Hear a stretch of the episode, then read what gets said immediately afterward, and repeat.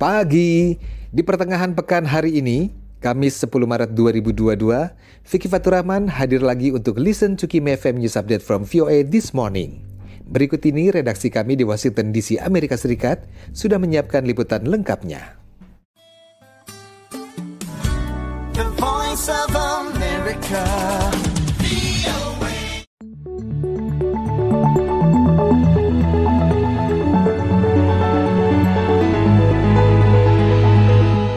VOA This Morning.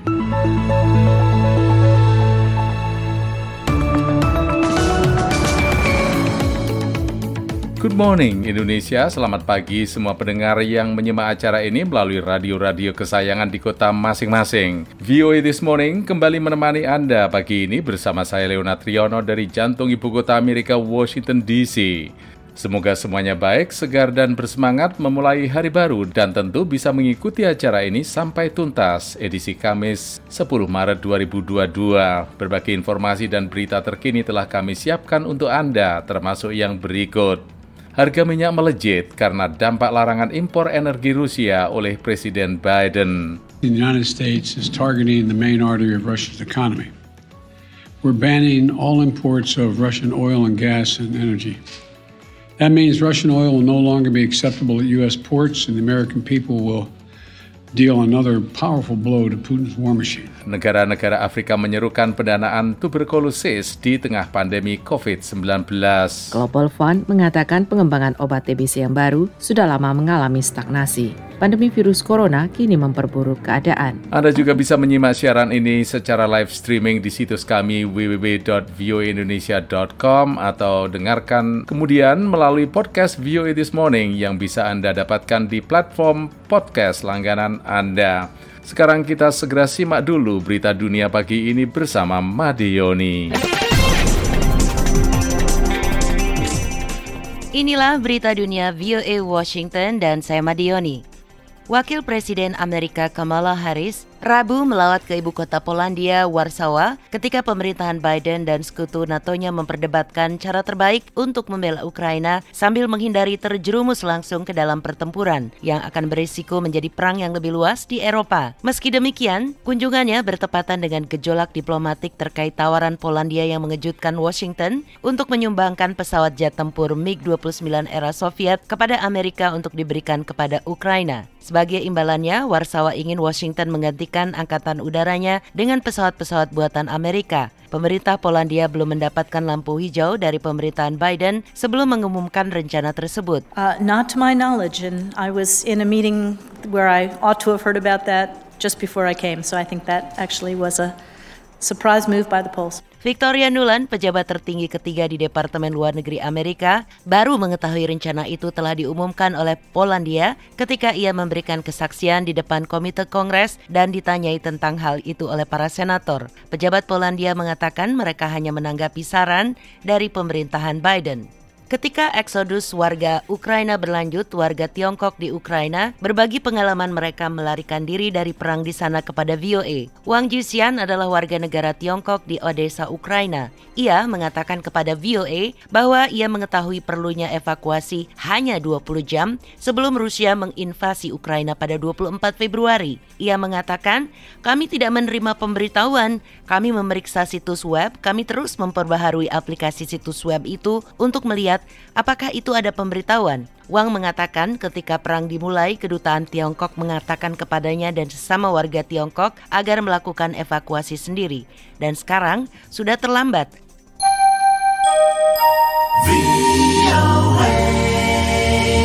Pembuat bir Belanda Heineken dan Universal Music Group menjadi perusahaan terbaru yang menghentikan bisnis di Rusia sebagai tanggapan atas invasi Rusia ke Ukraina. Heineken Rabu juga mengumumkan akan menangguhkan operasi di Rusia termasuk penjualan, produksi, dan iklan bir populernya dan mengatakan akan meningkatkan dukungan dan sumbangan bagi LSM yang beroperasi di Polandia, Hungaria, Rumania, dan Slovakia yang membantu pengungsi Ukraina. Universal, label musik terbesar di dunia mengatakan telah bekerja dengan kelompok-kelompok dari berbagai negara untuk mendukung upaya bantuan kemanusiaan untuk memberikan bantuan mendesak kepada para pengungsi di Ukraina. Raksasa makanan cepat saji McDonald's yang membuka lokasi pertamanya di Rusia di lapangan Puskin Moskow pada tahun 1990, Selasa mengatakan pihaknya menutup ke 850 restorannya di seluruh Rusia sambil terus membayar gaji 62 ribu karyawannya. Неправильно, поскольку это было единственное доступное для меня место, чтобы поесть, а теперь некуда идти. Lev Shalpo, seorang mahasiswa di Rusia mengatakan keputusan itu adalah salah karena restoran itu satu-satunya tempat yang terjangkau baginya di mana ia bisa makan dan sekarang tidak ada tempat yang terjangkau. Seorang laki-laki yang menerima transplantasi jantung pertama dari babi dua bulan lalu telah meninggal, kata Pusat Medis Universitas Maryland Rabu.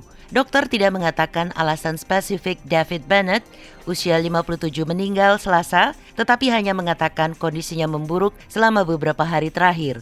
Kami berterima kasih atas setiap momen inovatif, setiap mimpi gila, setiap malam tanpa tidur dalam upaya bersejarah ini, kata putra Bennett, David Bennett Jr. dalam sebuah pernyataan yang dirilis oleh Fakultas Kedokteran Universitas Maryland. Kami berharap kisah ini bisa menjadi awal dari harapan dan bukan akhir, ujarnya. Sebelum transplantasi dilakukan pada 7 Januari, kesehatan Bennett buruk dan tidak memenuhi syarat untuk mendapatkan jantung manusia transplantasi organ dari hewan atau senotransplantasi sebagian besar gagal karena tubuh manusia segera menolaknya. Tetapi dalam kasus ini, babi telah dimodifikasi secara genetik dengan gen manusia dengan harapan bisa menunda penolakan. Robert Palmer dijatuhi hukuman 63 bulan di penjara federal dengan 3 bulan pembebasan bersyarat yang diawasi setelah dibebaskan. Ia bisa dibebaskan bersyarat dalam waktu kurang dari 4 tahun. Palmer adalah pendukung setia mantan Presiden Donald Trump. Narapidana 6 Januari lainnya yang ditempatkan di dekatnya yakin Trump akan terpilih kembali sebagai presiden pada tahun 2024 dan akan mengampuni mereka semua. Palmer mengatakan kepada mereka, "Guys, itu tidak akan terjadi. Sebagai orang hukuman, Palmer tidak bisa memilih, tetapi ia mengatakan jika haknya dipulihkan, ia tidak akan pernah memilih Trump. Ia mengatakan memilih Trump pada tahun 2020 karena Trump berbeda dari politisi pada umumnya. Nah, demikian berita dunia VOA Washington. Saya Madioni.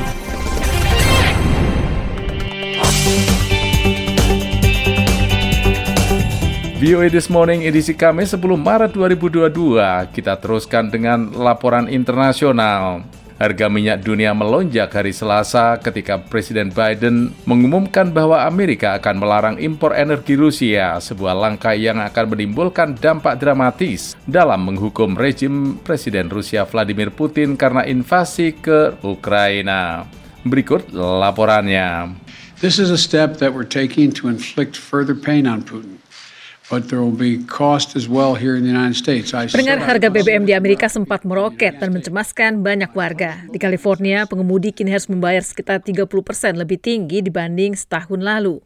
Hal ini diperkirakan akan terus memburuk seiring pengumuman Presiden Joe Biden hari Selasa yang melarang impor energi Rusia. The United States is targeting the main artery of Russia's economy. Amerika menarget urat nadi utama ekonomi Rusia.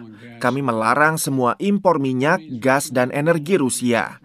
Ini berarti minyak Rusia tidak lagi dapat masuk ke pelabuhan-pelabuhan Amerika, dan bahwa rakyat Amerika memberikan pukulan keras lain ke mesin perang Putin. Ketika Presiden Biden mengumumkan larangan impor itu, Inggris juga mengumumkan akan menyudahi impor minyak Rusia tahun ini. Sementara Uni Eropa mengatakan akan mengurangi permintaan gas alam Rusia hingga 2 per 3 tahun ini.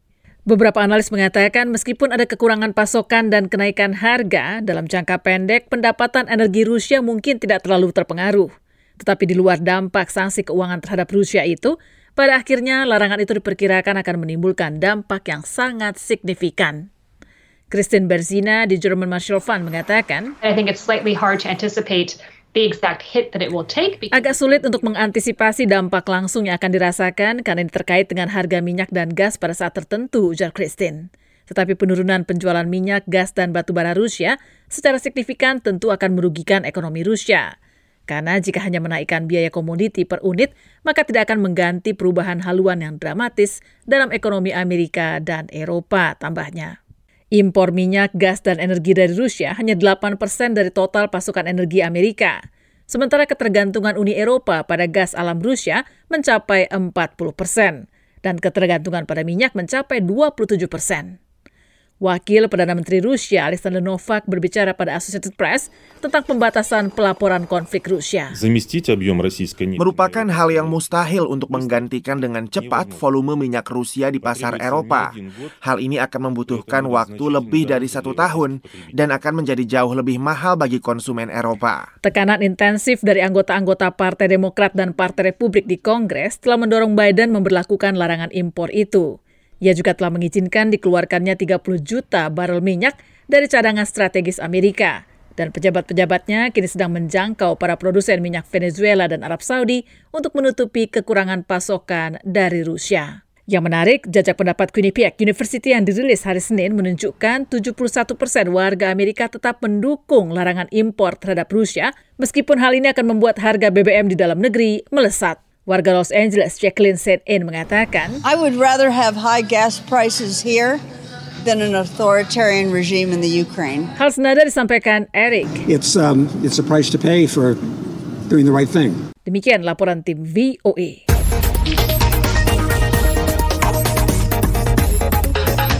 Kita teruskan dengan laporan berikutnya. Menjelang hari tuberkulosis sedunia pada tanggal 24 Maret, dana global untuk memerangi AIDS, tuberkulosis, dan malaria menyerukan kepada pemerintah-pemerintah di dunia untuk memperbarui upaya memerangi penyakit pernapasan itu yang menewaskan lebih dari satu juta orang setiap tahun. Di Afrika Selatan, tempat penyebaran tuberkulosis, tim screening keliling berupaya mengejar ketertinggalan akibat pandemi COVID-19. Berikut laporan selengkapnya bersama Metrini Giopani. Meskipun dapat diobati dan dicegah, TBC adalah pembunuh utama di Afrika Selatan. Selama pandemi virus corona, pengetesan tuberkulosis turun drastis dengan konsekuensi menambah kematian. Pasangan Latoya Weiser yang berusia 32 tahun termasuk di antara para korban. His tongue ia selalu mengatakan lidahnya terasa sakit dan dia bahkan tidak bisa merasakan makanan. Karena itu saya mengajaknya ke klinik. Di situlah kami mengetahui dia positif. Meskipun suami Weiser menjalani pengobatan selama dua bulan, ia akhirnya meninggal karena tuberkulosis Agustus lalu. Pengetesan dapat memastikan bayi laki-laki mereka menjalani perawatan untuk pencegahan. Baik Weiser maupun bayinya tetap sehat, akan tetapi ia berjuang karena kehilangan suami. I did wish Because if maybe we did find out sooner. Saya menyesal jika kita mengetahuinya lebih cepat, mungkin ia masih hidup. Pengalaman itu tidak unik bagi Latoya saja, diperkirakan 1,8 miliar orang di seluruh dunia terinfeksi TBC yang secara tidak proporsional menjangkiti mereka yang berada di negara-negara miskin. Global Fund mengatakan pengembangan obat TBC yang baru sudah lama mengalami stagnasi. Pandemi virus corona kini memperburuk keadaan. Muhammad Yasin, penasihat senior untuk penyakit pada Global Fund, mengemukakan. We have seen more than 20% drop in kami mengamati lebih dari 20 persen penurunan jumlah orang yang dapat mengakses diagnosis dan pengobatan. Penularan kemudian berlanjut yang akan berkontribusi pada jumlah insiden dan kematian akibat TBC secara keseluruhan. Untuk pertama kalinya, angka kematian itu meningkat menjadi 1,5 juta dari 1,4 juta pada tahun 2019. Klinik keliling baru yang didukung Global Fund tersebut bertujuan untuk menutup kesenjangan dalam pengetesan TBC. Langkah ini menjangkau orang-orang seperti Weiser yang berjuang untuk mendapat akses pada klinik. Pemerintah juga belajar dari kesalahan yang terjadi selama pandemi virus corona untuk meningkatkan pengobatan pada penyakit-penyakit yang terabaikan. Dr. Ben Montoidi, manajer klinis program HIV dan tuberkulosis mengemukakan. In hindsight, we should have when we investigating for COVID. Melihat ke yang sudah berlalu, seharusnya ketika kita memeriksa COVID, kita juga memeriksa TB. Tetapi kami menyadari hal itu dan sedang memperbaiki kesalahan. Sekarang kami kembali mengupayakan integrasi beberapa kegiatan COVID-19 dengan program perawatan kesehatan primer termasuk layanan TBC sekarang. Untuk memastikan upaya-upaya itu dapat memberikan dampak terbesar, Global Fund meminta bantuan masyarakat internasional sebesar 18 miliar dolar. Dikatakan dana tersebut akan memperbaiki kemunduran yang disebabkan oleh pandemi sekaligus lebih menggerakkan dunia untuk menghapuskan wabah penyakit seperti TBC. Metrini Giovanni, Lena Triano, Voice of America.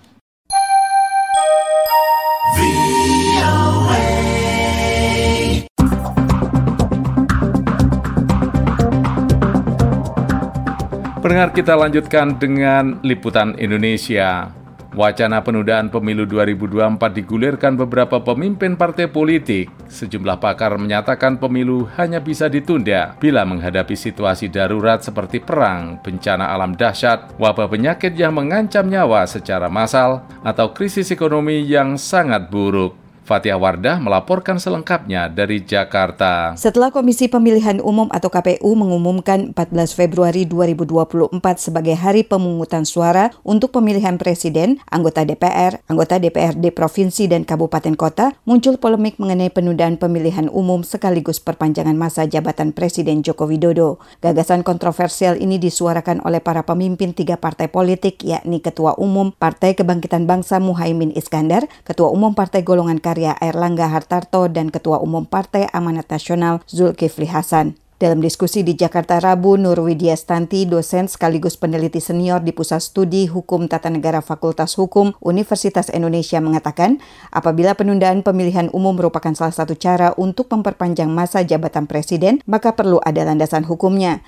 Dia juga menegaskan penerbitan Perpu untuk menunda pemilihan umum 2024 tidak dapat dilakukan. Kalau perpunya dikeluarkan sekarang untuk penundaan pemilu sekarang, keadaan daruratnya apa? Kegentingan memaksanya apa? Pandeminya sudah mau berakhir, pemulihan ekonominya itu kan sudah berjalan gitu. Pemulihan ekonominya seharusnya. Ini kayak dicari-cari lagi nanti kalau kita mau pakai perpu. Widya Stanti merasa aneh terhadap gagasan uji material ke Mahkamah Konstitusi untuk mendapat landasan hukum penundaan pemilihan umum 2024. Dia menegaskan kewenangan Mahkamah Konstitusi itu adalah menguji undang-undang bukan konstitusi. Sedangkan aturan tentang masa jabatan presiden yang hanya lima tahun dan bisa dipilih kembali untuk lima tahun berikutnya terdapat di dalam konstitusi. Artinya lanjut Widya Stanti, satu-satunya landasan hukum untuk memperpanjang masa jabatan presiden adalah amandemen konstitusi. Hanya saja menurutnya ide untuk mengamandemen konstitusi demi memperpanjang masa jabatan Presiden Joko Widodo tidak etis. Panji Anugrah Permana, dosen ilmu politik di Fakultas Ilmu Sosial dan Ilmu Politik Universitas Indonesia menyatakan, pemilihan umum bisa saja ditunda jika ada hal-hal darurat seperti perang, bencana alam dahsyat, wabah penyakit yang mengancam nyawa secara massal, atau krisis ekonomi yang sangat buruk. Panji menyebutkan Indonesia pernah mempercepat pemilihan umum pada 1999 karena ada reformasi atau perubahan politik besar-besaran. Sementara itu, anggota Bawaslu Rahmat Bagja mengatakan pemilihan umum 2024 tetap akan dilaksanakan pada 14 Februari 2024 sesuai keputusan KPU. Tahapan pertama pemilihan umum sudah dimulai pada Juli tahun ini. Menurutnya kalau memang ada pembicaraan serius bahwa pemilihan umum 2024 akan ditunda, maka tanggal pemungutan suara akan diganti. Hingga saat ini belum ada perubahan perihal tanggal pemungutan suara. Kenapa tanggal pemungutan suara itu sangat penting? Karena begitu penetapan tanggal pemungutan suara, maka tarikan 20 bulan menurut Undang-Undang 7 tahun 2017 itu sudah dimulai tahapan pemilu. Ini juga menyadarkan kepada masyarakat bahwa pemilu itu bukan pada saat pemungutan suara ansih, akan tapi pemilu itu dimulai pada 20 bulan sebelum hari pemungutan suara. Dari Jakarta, Fatia Wardah melaporkan untuk VOA Washington.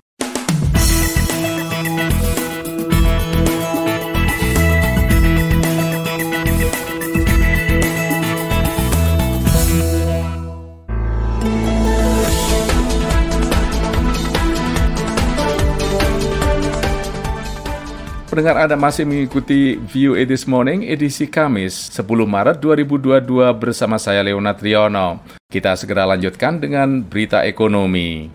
Presiden Joe Biden mempunyai solusi yang tampaknya berlawanan dengan saran untuk mengatasi inflasi yang tinggi, yaitu dengan menarik pabrik-pabrik Amerika kembali ke Amerika. Hal itu menantang alasan selama puluhan tahun bahwa para pengusaha memindahkan pabriknya ke luar negeri untuk menurunkan biaya karena upah pekerja yang lebih murah. Tren alih daya ini menyebabkan hilangnya 6,8 juta pekerjaan pabrik di Amerika sejak tahun 2000. Namun, upaya memindahkan pabrik ke luar negeri itu berarti menciptakan harga lebih murah bagi konsumen dan menekan inflasi, sehingga pertumbuhan ekonomi yang lebih luas terus berjalan. Kini dengan inflasi berada pada tingkat tertinggi yang belum pernah terjadi selama 40 tahun, Presiden berpendapat bahwa globalisasi memicu harga yang lebih tinggi. Ia menganggap para pendukung alih daya atau outsourcing gagal mempertimbangkan biaya gangguan rantai pasokan dunia yang semakin sering terjadi. Beralih ke berita ekonomi berikutnya. Perusahaan telepon pintar Apple meluncurkan iPhone baru dengan harga terjangkau yang mampu terhubung ke jaringan nirkabel 5G ultra cepat. Peningkatan teknologi itu tersedia pada model kelas atas perusahaan itu lebih dari setahun. Dengan inflasi yang mengguncang ekonomi, iPhone SE baru akan dijual dengan harga 429 dolar, naik 8% dari harga 399 dolar untuk seri terakhir yang diluncurkan hampir dua tahun lalu pada tahap awal pandemi. iPhone SE baru itu akan tersedia di toko-toko pada tanggal 18 Maret. Demikian berita ekonomi pagi ini.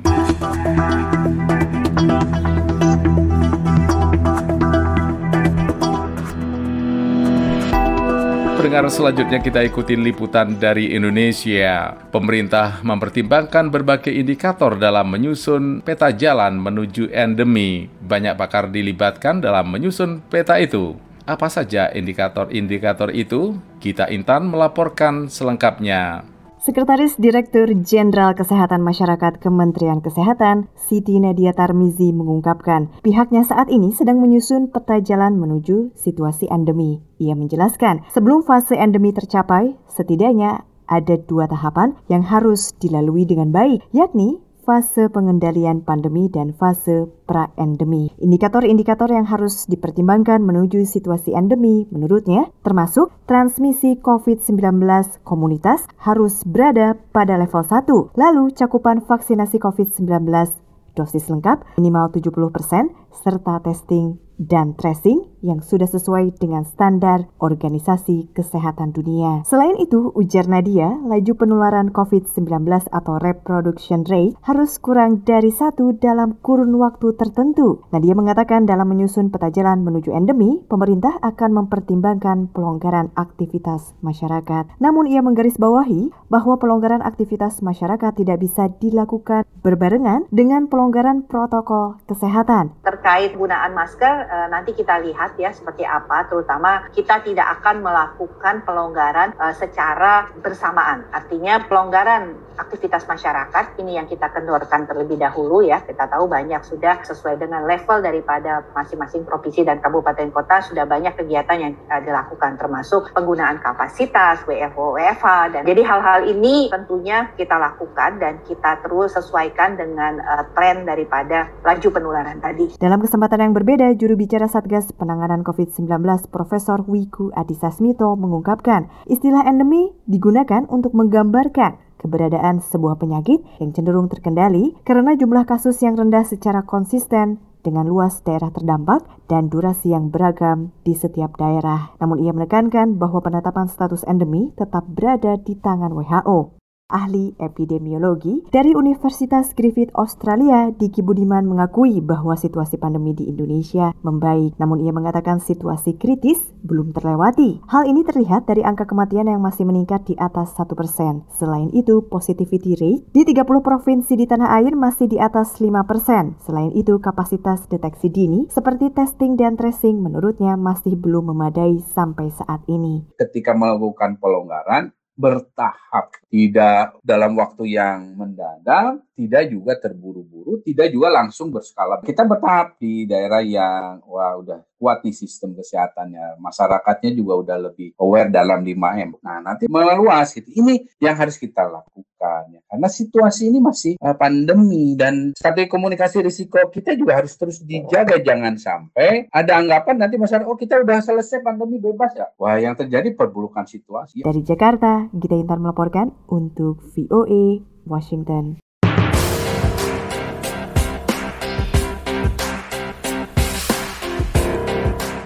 Pendengar menurut data Kementerian Kelautan dan Perikanan KKP, terdapat sekitar 10 tempat produksi garam rakyat. Dahulu kita hanya mengenal Sumeneb di Madura sebagai penghasil garam, namun kini petani garam tersebar di seluruh pulau Jawa. Kini garam tidak hanya dipakai sebagai bumbu masak, namun juga untuk bahan perawatan kulit seperti sabun. Berikut laporan selengkapnya. Dari 10 tempat produksi garam di Indonesia, salah satunya terdapat di Pangandaran, Jawa Barat. Para petani garam di sana bisa memproduksi 3 kuintal garam setiap panen. Garam biasanya dipanen dua kali dalam seminggu dari kubah atau tunnel sebagai tempat pembuatan garam yang berukuran 3 kali 7 meter. Dalam perkembangannya, kini garam tidak hanya sebagai penyedap rasa, namun juga sebagai bahan campuran untuk merawat kulit. Seorang perajin sabun Wiwin Nospitalia 48 tahun tertarik mengembangkan garam ketika mengunjungi kampung halamannya di pantai Madasari, 10 km dari Pangandaran, Jawa Barat. Ia melihat para petani garam di sana bisa menghasilkan garam yang putih bersih, bermutu tinggi namun hanya dijual murah. Wiwin yang memang seorang perajin sabun merasa tergugah untuk membantu usaha petani garam itu.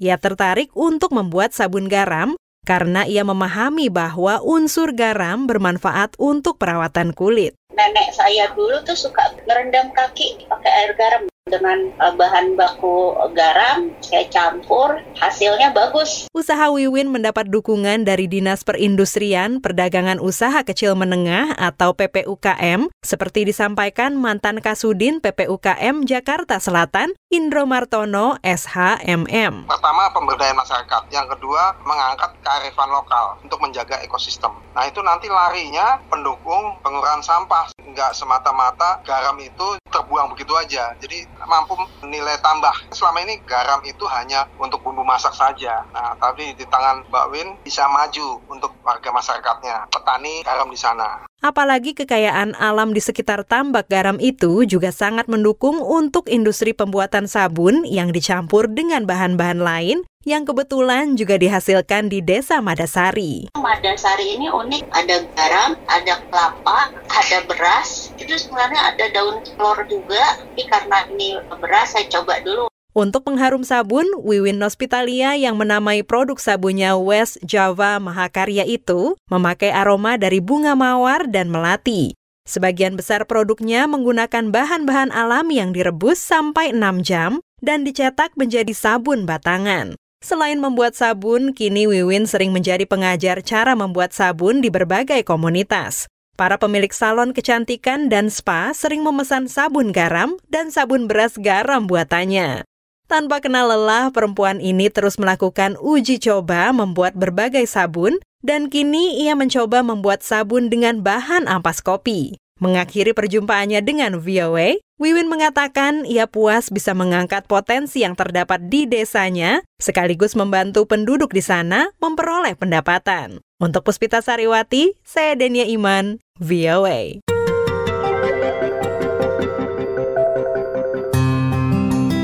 Kini setelah pembatasan pandemi sepenuhnya dicabut di Inggris, London Baby Show kembali diselenggarakan. Pameran itu menampilkan beberapa produk dengan fitur teknologi untuk bayi dan memberi kesempatan kepada orang tua untuk mencoba produk-produk terbaru yang ada di pasaran. Laporan selengkapnya disampaikan oleh Karlina Amkas. Dalam satu pameran di London, Inggris, terdapat ketel yang bukan ketel biasa. Ketel listrik itu mampu mengatur suhu air terlebih dahulu untuk membersihkan susu formula dan kemudian mendinginkannya ke suhu yang tepat untuk diminum. Fiona Fenelon adalah manajer penjualan Mayborn Group untuk Irlandia.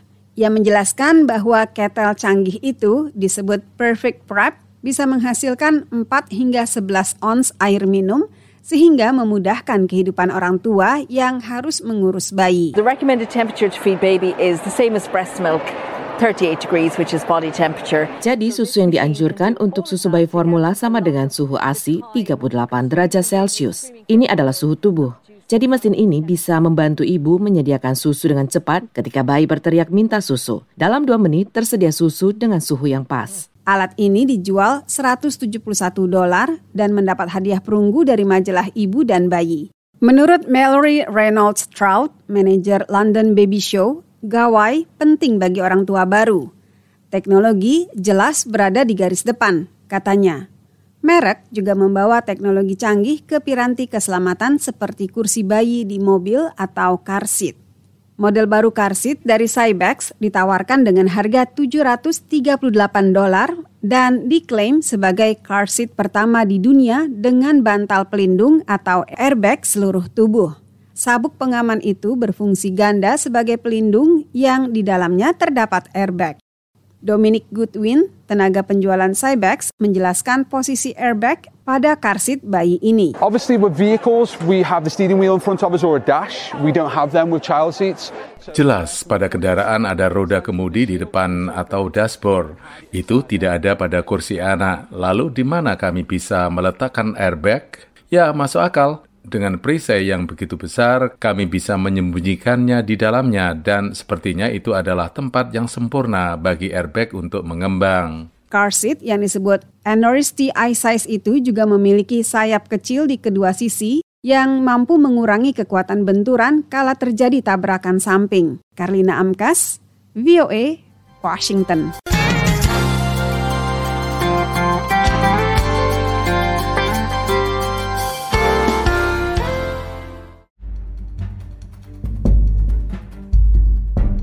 Listeners, terima kasih sudah mendengarkan Listen to Kimi FM News Update from VOA This Morning bersama saya Vicky Fatur Rahman.